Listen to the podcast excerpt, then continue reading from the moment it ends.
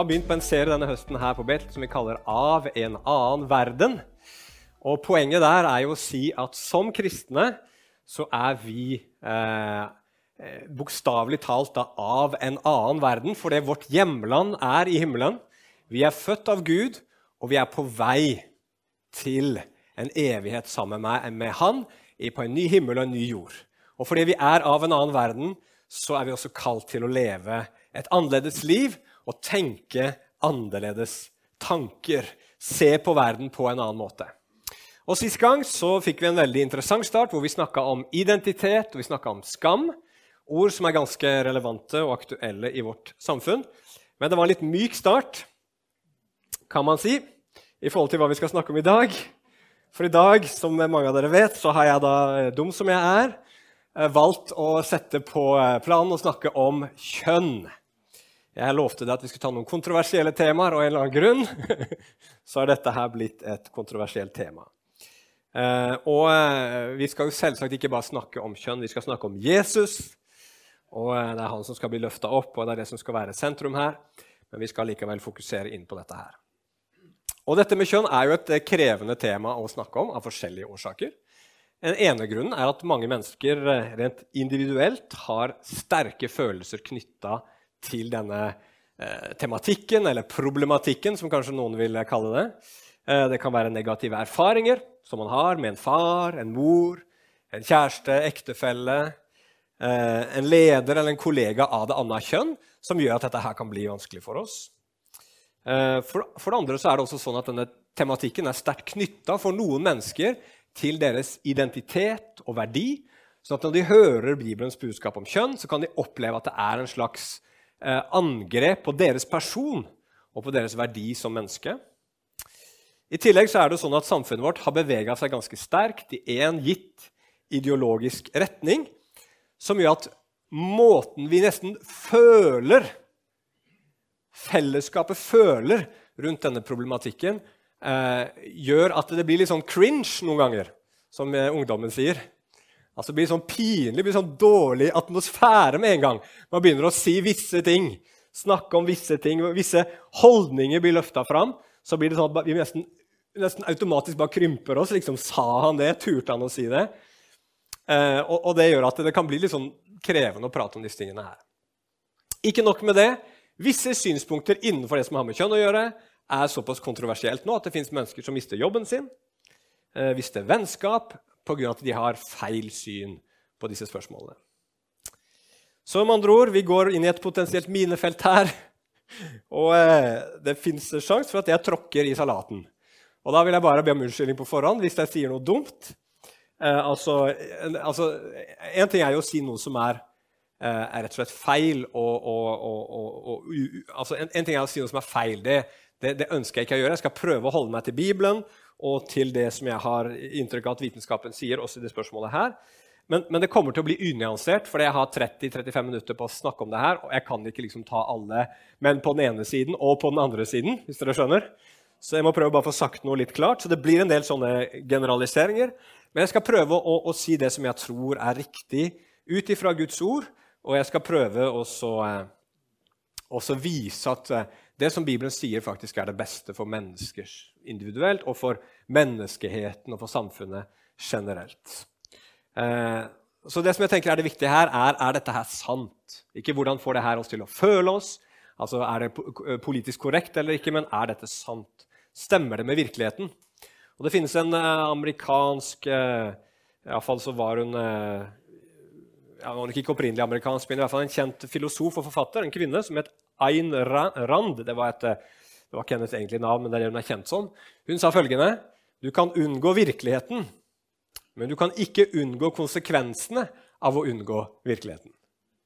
Og sånn er det. Virkeligheten kommer alltid tilbake til oss. Eh, alt får konsekvenser. Det du sår, vil du en gang høste. Men det skjer ikke alltid med en gang.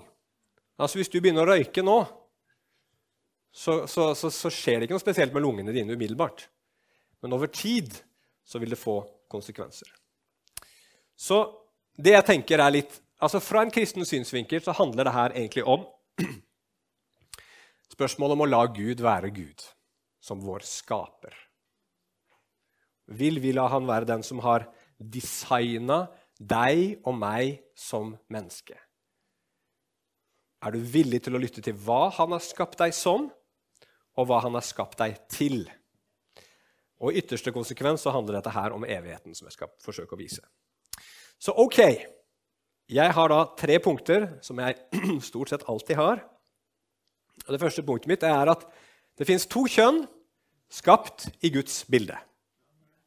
Og Nummer to er at synden bringer fiendskap, frykt og forvirring i dette som har med kjønn å gjøre.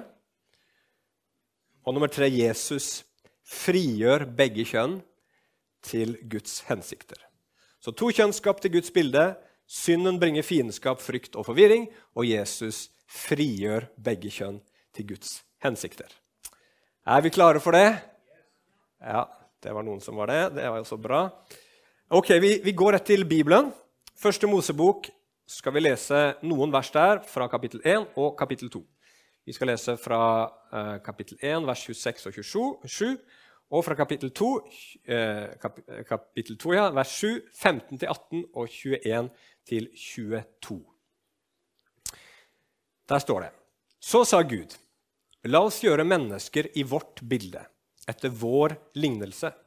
De skal ha råderett over fiskene i havet, over fuglene i luften og over feet over hele jorden og over hvert kryp som rører seg på jorden. Så skapte Gud mennesket i sitt bilde. I Guds bilde skapte han det. Til mann og kvinne skapte han dem. Og så vers 7. Og Herren formet Adam av jordens støv. Og han blåste livets ånde inn i hans nesebor, og mennesket ble en levende sjel. Vers 15. Så tok Herren Gud Adam og satte ham i Edens hage, så han kunne dyrke den og ta vare på den. Herren Gud bød Adam og sa, av hvert tre i hagen kan du fritt ete, men av treet til kunnskap om godt og ondt skal du ikke ete. For på den dag du eter av det, skal du sannelig dø. Og Herren Gud sa, det er ikke godt for Adam å være alene. En hjelper som svarer til ham, vil jeg gjøre for ham. Vers 21. Herren lot en dyp søvn komme over Adam, og han sov. Da tok han ett av ribbeina hans og fylte igjen med kjøtt i stedet. Av det ribbeinet som Herren Gud hadde tatt fra Adam, dannet han en kvinne, og han førte henne til Adam. Da sa Adam, 'Dette er endelig bein av mine bein og kjøtt av mitt kjøtt.' Hun skal kalles kvinne, siden hun ble tatt av mannen. Amen. Dette er Guds ord. La oss be til Gud. Ja, Herre, vi kommer til deg nå, Herre, for å lytte til dine ord. Herre, å lytte til dine ord innenfor en problematikk som er som er betent, og som er utfordrende og krevende i vår tid på mange måter. Her, men også en problematikk, Herre Jesus, som eh, har båret dårlige frukter i vårt samfunn, Herre. Som har gjort det vanskelig både for menn og for kvinner. Herre, vi ber nå i Jesu navn at vi må finne tilbake til og kunne se klart hva dine hensikter med menn og kvinner er, sånn at vi kan få leve i dem og ære deg gjennom det. Herre, hjelp meg til å formidle på en god og riktig måte, og la ditt ord få skinne klart. Og sier jeg noe som jeg ikke skulle si, Herre, så bare la det passere, Gud, og ikke gå inn. Og Herre, er det noe jeg ikke husker på å si, som jeg burde ha sagt, så bare hjelp meg å få det sagt også i Jesu navn. Amen. Ok, så Da er det første punktet mitt at det finnes da to kjønn skapt i Guds bilde. To kjønn som er skapt i Guds bilde. Mann og kvinne. Eh, sist gang så snakka vi om tre sider ved gudgitt identitet. Når Gud skaper, så ser vi i skapelsesberetningen for det første at han gir de forskjellige tingene han skaper, et navn, en gitt natur. Og så gir han de en hensikt, noe disse forskjellige tingene han skaper, er til for. for og så gir han de en evaluering. Veldig ofte så sier han dette er godt, dette er bra, det er noe positivt, noe flott ved dette som Gud har skapt. Uh, og dette her gjør han også med mann og kvinne. Uh, og Vi skal straks se på, på at det fins både uh, en forskjell i natur, navn, hensikt, og så skal vi komme tilbake til det med verdi, hvor de, den er lik. Eh, men la oss bare slå fast med en gang at Gud skaper to kjønn til å begynne med. Bare to kjønn. I vers 27 kapittel 1 så kunne man godt oversatt den teksten som er der, med Gud skapte mennesket i sitt bilde. Til hannkjønn og hunnkjønn skapte han dem. Det er egentlig det det står der på grunnteksten på hebraisk. Og Hvis du spør en biolog om dette, her, så vil en, en god biolog si nei, det finnes bare to kjønn. Eh, og de har forskjellige kromosomer, de har forskjellige kjønnsorganer, de har forskjellige hjerner, de har store hormonforskjeller, og det fins enda flere forskjeller med, mellom menn og kvinner. Og her er det veldig klart at mann og kvinne er forskjellige. og det, det, det, er også det vi ser i teksten i begynnelsen av Bibelen, også når det gjelder hensikten. Eh, både mann og kvinne blir skapt på litt forskjellige måter og med litt forskjellige hensikter, står det i, eh, i første Mosebok, som vi har kikka på nå. For f.eks. Abraham, Abraham ja, Adam han blir skapt først. Eh, han blir skapt utenfor Edens hage. Han får i oppdrag å dyrke og vokte hagen. Han navngir både dyrene og kvinnen når hun kommer. Og han er den som får budet fra Gud om å ikke spise av treet til kunnskap om godt og ondt. Eva hun blir skapt helt til slutt av hele skaperverket. Hun er kronen på skaperverket. og som noen sa, Gud eh, liksom, han, han, måtte ha to forsøk for å få det til perfekt. Til slutt så klarte han det, han skapte kvinnen.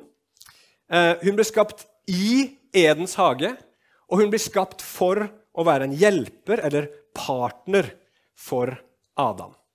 Hva betyr det her? Og Når vi skal liksom analysere disse versene, her, så har det flytt enormt mye blekk. Mange teologer diskuterer fram og tilbake. Men det som jeg tror er den riktige tolkningen og forståelsen av den her, og som er den tradisjonelle kristne tolkningen, er følgende. At mannen han gis en lederautoritet i forhold til kvinnen, ettersom han blir skapt først. Han gir navn til dyrene. Han får budet fra Gud. Og når menneskene faller, selv om det var Eva som spiste av frukten fra treet, så er det Adam Gud holder ansvarlig for det som hadde skjedd. I tillegg så ser vi at Adams ansvar er knytta til det å arbeide og vokte på en spesiell måte. Med andre ord så har han et forsørger- og beskytteransvar i første Mosebok. Kvinnen, når hun skapes til slutt, som kronen på verket, så skal hun være en hjelper for Adam. Og Det fins ingenting negativt i det uttrykket der. Gud blir mange ganger omtalt som Israels hjelper. Vår hjelper. Så det er ikke noe negativt der. Hun skal stå ved Adams side og med sin kvinnelige natur hjelpe han til å oppfylle deres felles mandat som Gud gir dem, og si, og, og, og, hvor han sier 'vær fruktbare og legg jorden under dere'. Så her ser vi at kvinnens hensikt ut fra hvordan hun ble skapt, er av en mer relasjonell natur. Og Det som er litt interessant, er at veldig mange av disse punktene som jeg nå, har nevnt, faller sammen med vitenskapen. Mannen er som kjent sterkere fysisk. Eh, selvsagt fins det noen kvinner som er sterkere enn menn, eller noen kvinner som er sterkere enn noen menn, men generelt så er de fleste menn sterkere enn de fleste kvinner. I tillegg så viser det seg psykologisk at menn er mer eventyrlystne, tar større risikoer og er mer aggressive enn kvinner. Derfor sitter det også mange flere menn i fengsel enn kvinner. Eh, og forskning også viser noe interessant, nemlig at menn er mer orientert mot ting og er mer analytiske. Altså de ser ting mer utenfra. Kvinnen på den andre siden er fysisk svakere psykologisk mer trygghetssøkende og blir lettere bekymra. Altså der er det igjen individuelle forskjeller. Eh, du kan ha noen ektepar, sånn som vårt ektepar, hvor jeg bekymra mer enn min kone, men det er en helt annen sak.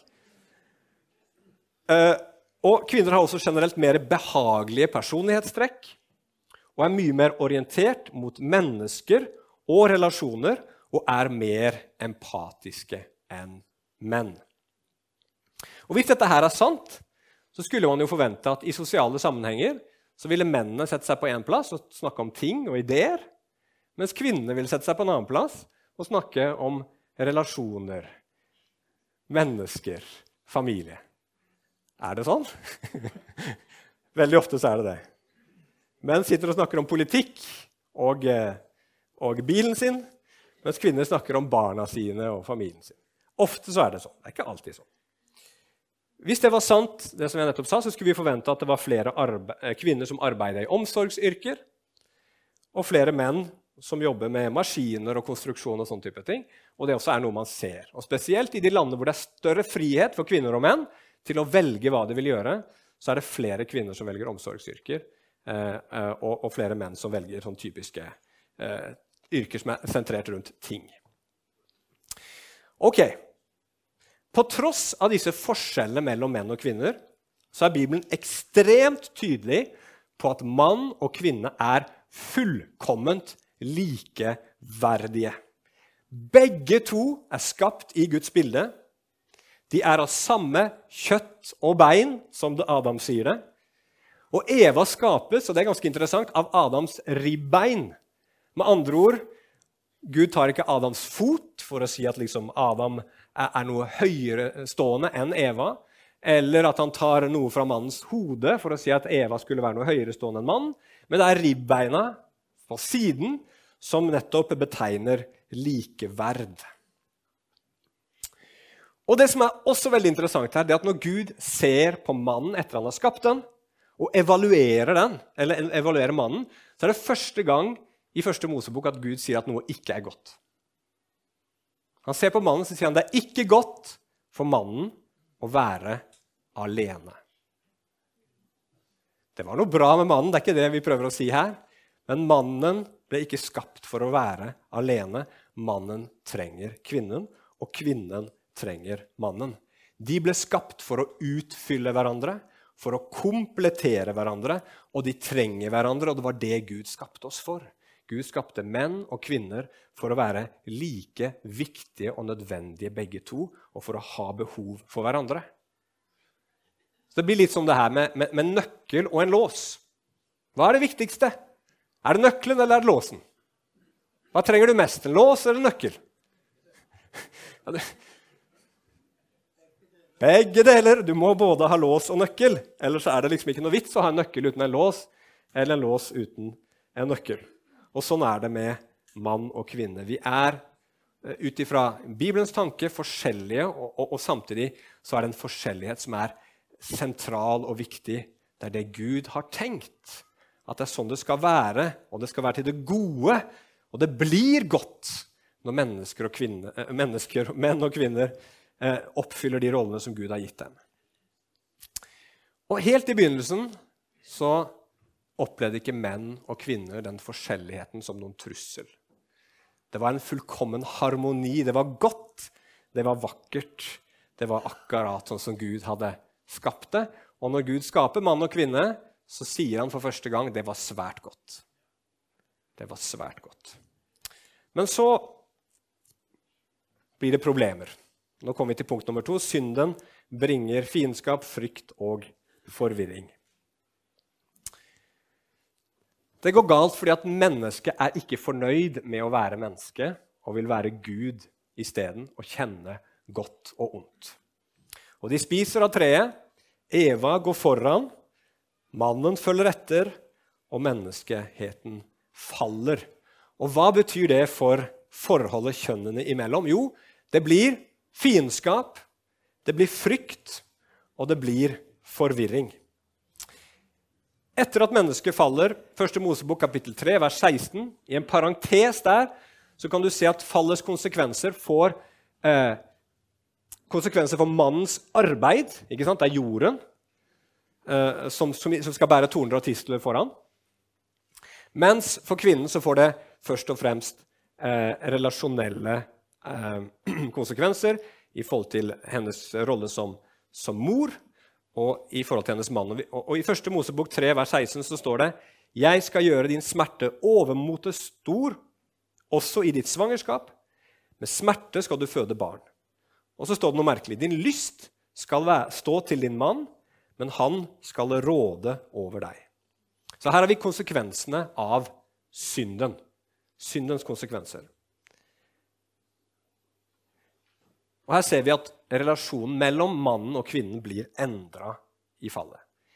Eh, din lyst skal stå til din mann, er det mange teologer som mener egentlig ikke betyr at først og fremst at hun har et spesielt begjær mot mannen som ikke mannen har mot kvinnen, men at det skal finnes en sånn, eh, et begjær hen mot mannens lederrolle.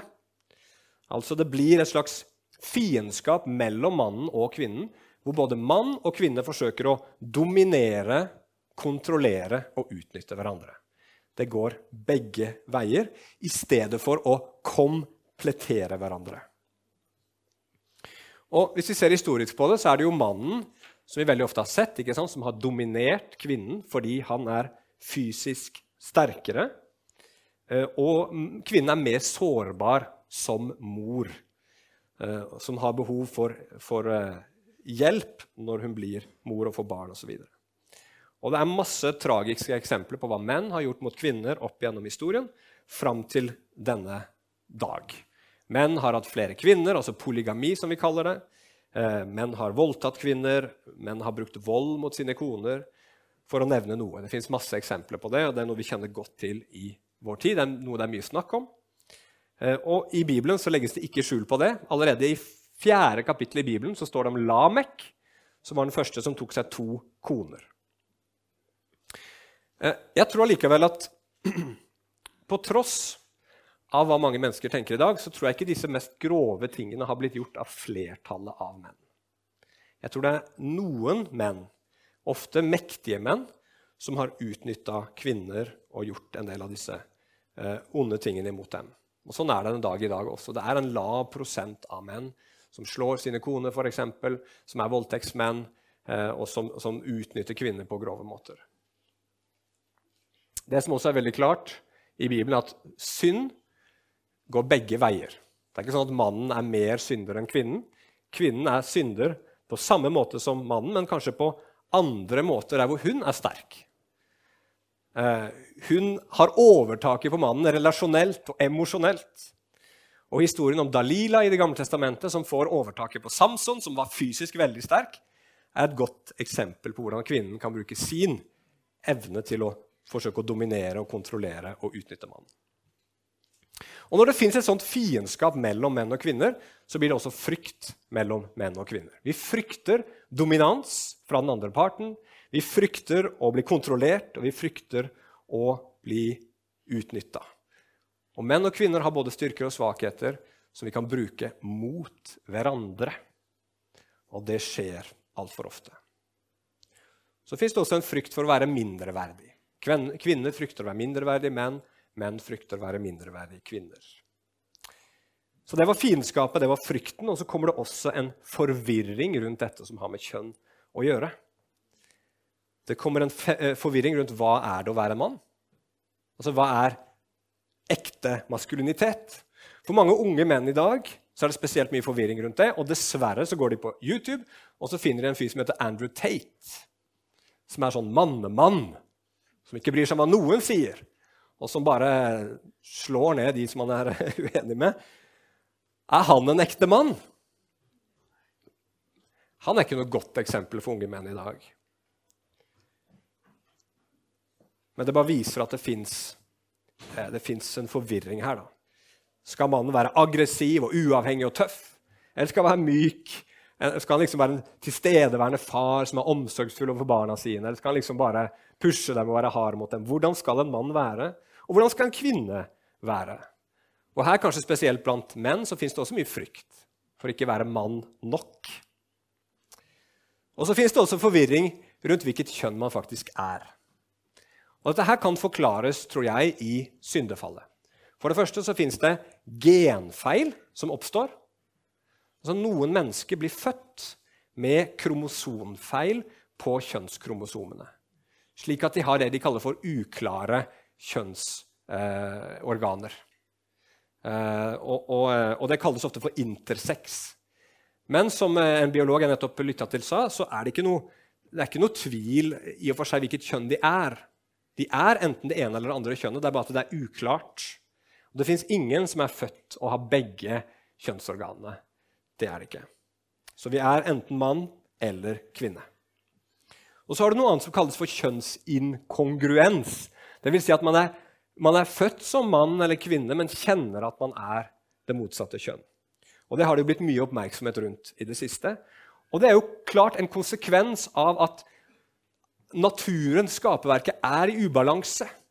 Vi funker ikke sånn som vi skal fungere, verken fysisk eller psykologisk.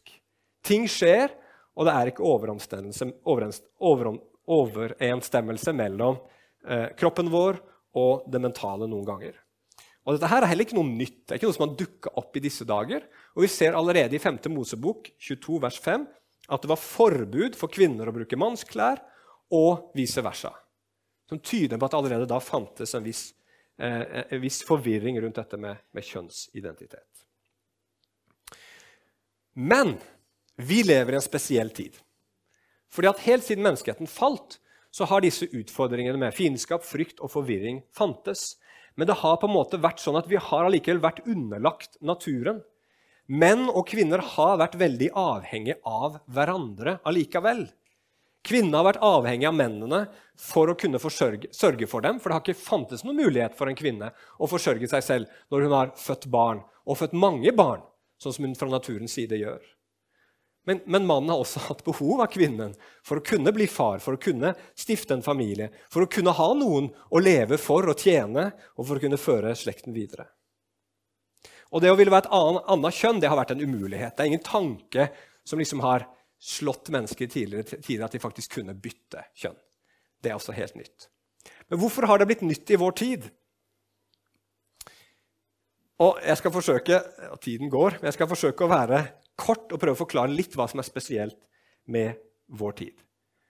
For det har skjedd nemlig en teknologisk utvikling, en utvidelse av statens rolle i samfunnet, som har ført til en framvekst av en ny ideologi om menn og kvinner, og radikale endringer som følge av det. Og hva er det jeg mener med det? Jo, gjennom prevensjon, gjennom abort, så har kvinner blitt mer og mer løsrevet fra sin rolle som mor. Og gjort dem i stand til å kunne kontrollere sin fruktbarhet. Og Dermed så har kvinnen mulighet til å delta mye mer i det som er tradisjonelt eh, mannens områder.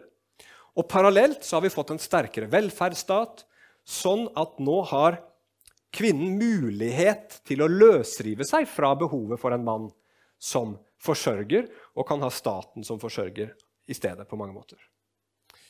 Og som det sto i en artikkel på NRK nylig, en kvinne som skrev 'Vi trenger ikke menn', skrev hun. Og det har ført til en sterk økning i skilsmisser. Og en ideologi har vokst fram som sier til kvinner at hvis du virkelig skal bli lykkelig, så må du eh, bli mer som en mann. Prøve å lykkes på det som er mannens områder. Prøve å bli mer som en mann. Og det her igjen har bygd opp under en ideologi som har sagt mer og mer at det er ikke noe grunnleggende forskjell på kjønnene. Mann og kvinne er omtrent det samme. Og det igjen har bana vei for at, takket være Disney bl.a., mennesker som da kjenner at de er av det andre kjønn på innsiden, nå har fått frihet til å si ja, men den du er på innsiden, hjertet ditt, det er det du må følge. Og så kan man plutselig tenke at det er aktuelt å bytte kjønn.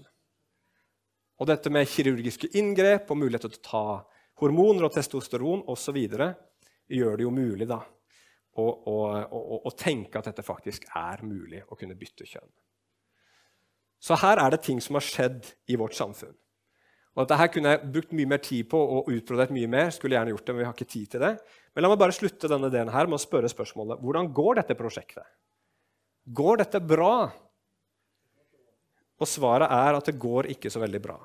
For det første så fins det en krise i dag blant unge menn og gutter de gjør det dårligere på skolen. Det synker. De får lavere og lavere forventa levealder, bl.a. pga. en økende selvmordsrate. De har større og større problemer med å finne en livspartner. Og veldig mange unge menn i dag vokser opp uten en nærværende far. Og Det går utover unge menn, det går også utover unge kvinner. så klart. Og Viktigst av alt så mangler unge menn i dag en forståelse av en hensikt. Hva har jeg som mann å kunne bidra med i samfunnet? Hvorfor trenger noen meg? For menn trenger Det er en sterk svakhet hos menn, også en stor styrke hos menn. Menn trenger at kvinner trenger det. Og når kvinner trenger menn, så blir menn også mye sterkere og, og, og, og blir noe, no, noe, bedre enn det de ville vært uten kvinnene. Men uten det der så føler mange menn seg i dag ubrukelige og verdiløse. Og det kan bli ganske patetisk i noen tilfeller. I tillegg så skaper denne transideologien stor forvirring for barn som blir utsatt for det, og, og mange barn i dag blir lurt inn i håpløst idiotiske valg hvor man lemlester, rett og slett. Man må bare si det som det er. Unge gutter og jenter i troen på at de kan få lov til å bli et annet kjønn enn det de er. Og Dette her kommer vi til å høre mer om i de årene som kommer. Og mennesker som kommer til å angre bittert, som kommer til å beskylde samfunn, som kommer til å beskylde medier og alle som har vært med på å gjøre dette mulig. Og sist, men ikke minst, eller det var ikke sist, men, men det var i hvert fall nesten sist, det går ikke så veldig bra med kvinnene heller. Statistikken viser nemlig at kvinner i dag rapporterer mindre opplevelse av lykke enn de gjorde på 70-tallet. Den lykkeopplevelsen har gått gradvis nedover siden den gang. Og enda mer dramatisk kan man kanskje si at i alle utviklingsland så har dette her, tankegodset her, som vi står og snakker om nå, ført til at fødselsraten har gått så langt ned at nesten alle utviklingsland nå er i ferd med å dø ut. Hvis ikke vi får tilførsel av befolkningen fra andre steder. I Norge er fødselsraten på 1,5. Det vil si at for hver to mennesker så kommer det 1,5 ut av barna. Det fins ikke halve barn, men det er statistikk. dere skjønner. Eh, og Derfor er det sånn at i dag i dag, denne dagen i dag så blir det født flere barn i Nigeria enn det gjør i hele Vest-Europa til sammen. For det er nemlig de landene hvor man har holdt fast på den litt mer tradisjonelle tanken om menn og kvinner, at befolkningen faktisk vokser. Men dypest sett så er dette her enda mer alvorlig, for de negative konsekvensene vi høster samfunnsmessig akkurat nå, de er bare symptomer på at vi som mennesker har forkasta vår skaper.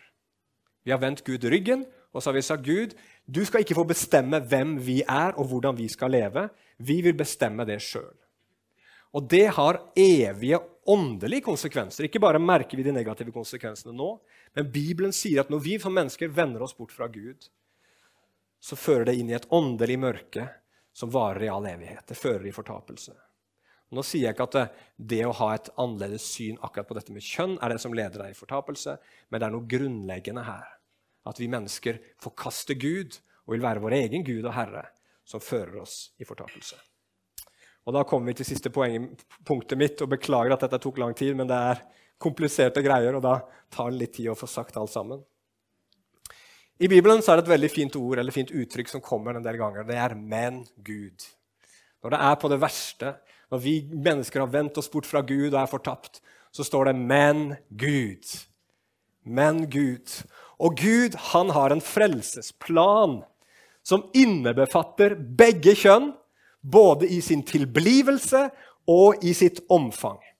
Hør f.eks. på det her. Dette står i Galaterbrevet 4, vers 4-5. Men da tidens fylde kom, utsendte Gud sin sønn, født av en kvinne, født under loven, for å kjøpe fri dem som var under loven, for at vi skulle få del i barnekåret. En mann ble født av en kvinne. Han var Guds sønn. Og han kom for å frelse oss fra konsekvensen av Guds rettferdige lov, fordi vi hadde synda. Måtte, han måtte være en mann fordi at han skulle reversere det den første mannen, Adam, hadde gjort galt da han svikta i sitt oppdrag.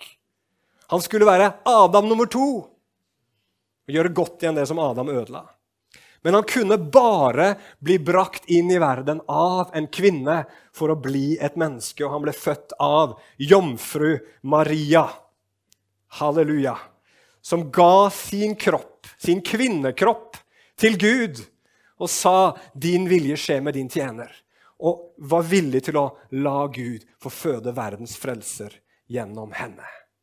Frelsen Det er noe som menn og kvinner, sidene av menneskeheten samarbeida om. Og hvem var det Jesus kom for? Da Var det menn eller var det kvinner? Jo, Bibelen sier at det var for begge to. Galaterne 3, 26 og 28. For dere er alle Guds barn ved troen på Kristus Jesus. For så mange av dere som ble døpt til Kristus, har ikledd dere Kristus. Her er verken jøde eller greker, verken slave eller fri, verken mann eller kvinne, for dere er alle ett i Kristus Jesus. Jesus han dør for både menn og kvinner, og på den måten så styrker han menns og kvinners likeverd. Vi er likeverdige fordi vi er skapt av Gud i hans bilde, men vi har fått en enda større verdi fordi Gud har kjøpt oss gjennom sitt eget blod da Guds sønn ga sitt liv på korset. Gud har gitt oss en enorm verdi som menn, som kvinner, ved å elske oss til døden. Og så er spørsmålet hva nå da med forskjellen mellom kjønnene og deres roller og oppgaver? Er det også borte nå? Og Når vi kommer til Det nye testamentet, så ser vi stadig vekk vers som enten er adressert til menn eller til kvinner, og som slår fast at de både de fortsatt er forskjellige både i forhold til roller i familie og i menighet. Men at disse rollene har fått en helt ny dimensjon. Og Nå skal vi komme med et eksempel, og nå blir det litt cringe, men vi leser det for det, for det står i Bibelen. Vers 21 i Efeserne kapittel 5 til 26. Og underordner dere hverandre i Guds frykt. Dere koner, underordner dere deres egne menn som under Herren. For mannen er kvinnens hode, slik også Kristus er menighetens hode, og han er frelser for kroppen. Slik menigheten underordner seg Kristus, slik skal derfor konene underordne seg sine egne menn i alle ting. Dere ektemenn, elsk deres koner, slik også Kristus elsket menigheten og ga seg selv for den, for at han skulle hellige den idet han renset den ved vannbadet i ordet, for at han kunne føre den fram for seg selv som en herlig menighet som ikke har flekk eller rynke eller noe slikt, men at den skulle være hellig og uten feil. Hva ser vi her? Jo, her ser vi det opprinnelige skapelsesmandatet, med mannen som leder eller hode, og kvinnen som hjelper eller partner. Det blir opprettholdt, men det får en helt ny dimensjon. Dette her skjer ved Jesus, og det skjer for Jesus. Det skjer ved Jesus på den måten at Jesus kom og bøyde seg ned for å tjene oss. Og det skal vi også gjøre. Kvinnen gjør det ved å la mannen få lede. Og mannen gjør det ved å lede på en selvoppofrende måte.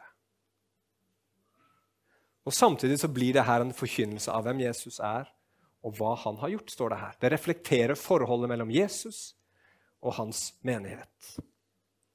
Og så er det mange mennesker som sier ja, men er ikke dette her oppskriften på undertrykkelse og misbruk? Og svaret på det er at nei, viser det seg faktisk.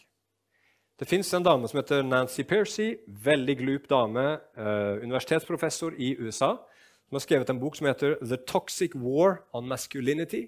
Den giftige krigen mot, eller på maskulinitet. Og hun har sjekka statistikk som kommer fra mennesker som ikke, ikke er liksom i vår leir, som viser at hvis det er et ektepar som er teologisk konservativt liksom, og, og, og, og, tenker i disse banene her når det gjelder forholdet mellom mann og kvinne, og de begge er aktive i menighet, så er det de kvinnene som rapporterer seg at de er de mest lykkelige. De har det best i ekteskapet, og de opplever i størst grad at mennene er involvert i familielivet ved å ta seg av barna. Statistisk sett så er det ingen tvil om det. Det som derimot er veldig interessant samtidig, det er at de aller verste det er de som har en kristen kultur og har tatt til seg disse prinsippene her uten å være aktive i menighet og menighetsliv. Det er de aller verste. Så disse prinsippene her, hvis ikke man er født på nytt, fører veldig lett til misbruk og undertrykkelse. Men, så dette, dette, her må komme etter at man blir født på nytt. Dette må skje etter at Jesus har kommet inn. Og da fins det litt sånn som det sto innledningsvis her, underordne dere hverandre. Det fins en felles underordning. Mannen tar lederansvar ikke for å undertrykke eller for å bevise at han er noe bedre, men for å tjene og for å bruke de gaver og evner han har fått til familiens beste. Og Da blir det en helt annen atmosfære over det. Og så er det viktig også å si at det fins en stor frihet her i det som Bibelen underviser. Er ikke, det, Bibelen er ikke veldig spesifikk på hva som er kvinners rolle og hva som er menns rolle. Det er enorm frihet hvor man kan få lov til å eh, eh, uttrykke i ekteskap i, og, og, som menn og kvinner sin mannlighet og sin kvinnelighet på ganske mange forskjellige måter. Uten at man havner utenfor de rammene som Gud har sagt. Jeg vil bare også nevne at det er i sånne type konservative kristne, menighetsaktive eh, familier at skilsmissestatistikken også er absolutt lavest i USA. Som også er veldig interessant. Nå skal jeg avslutte, og takk for deres tålmodighet. Dere er gode. Eh, jeg tenker, I en tid av forvirring, frykt og fiendskap mellom kjønnene så kan kristne som menn og kvinner vise verden en bedre vei. Hvordan kan vi gjøre det? Jo, ved å gi våre kropper som er kjønnede kropper. Vi er enten mann, menn eller kvinner. Og Så kan vi gi de til Gud, og så kan vi la Gud vise sin velsignelse gjennom at vi lever i denne verden sånn som Gud har skapt oss, og i de rollene som Gud har gitt oss. Og Jeg vil bare avslutte med å lese det som står her, nettopp om kroppene våre. Jeg oppmuntrer dere derfor, søsken, ved Guds barmhjertighet, at dere framstiller deres kropper som et levende offer, hellig og velbehagelig for Gud. Dette er deres åndelige gudstjeneste. Det er kroppen, det er ikke bare ånden, men det er kroppen vår vi gir til Gud. Og så står det verset som vi bruker litt som utgangspunkt for denne serien. Og bli ikke dannet lik denne verden, men bli forvandlet ved fornyelsen av deres sinn, så dere kan prøve hva som er den gode og velbehagelige og fullkomne Guds vilje. Amen. Nå skal vi be sammen. Kjære himmelske Far. Herre, du ser at dette er krev, en krevende tematikk. Den er sårbar. Den er utfordrende akkurat nå. Men Herre, takk at du har en god hensikt i din opprinnelige skapelse, som vi kan finne tilbake til Jesus Kristus. Og i en verden full av synd, Herre, og i en verden full av forvirring og frykt og fiendskap. Herre, må du med din ånd komme og reise opp en menighet Jesus, som kan fortelle en annen historie, ikke bare med sine ord, men med hvordan vi lever våre liv. At verden kan si, se her at det å leve sammen med deg ut ifra ditt ord, Herre, det fører til velsignelse. Det fører ikke til noe forbannelse, men det fører til liv. Herre, vi ber om det i Jesu gode navn. Amen.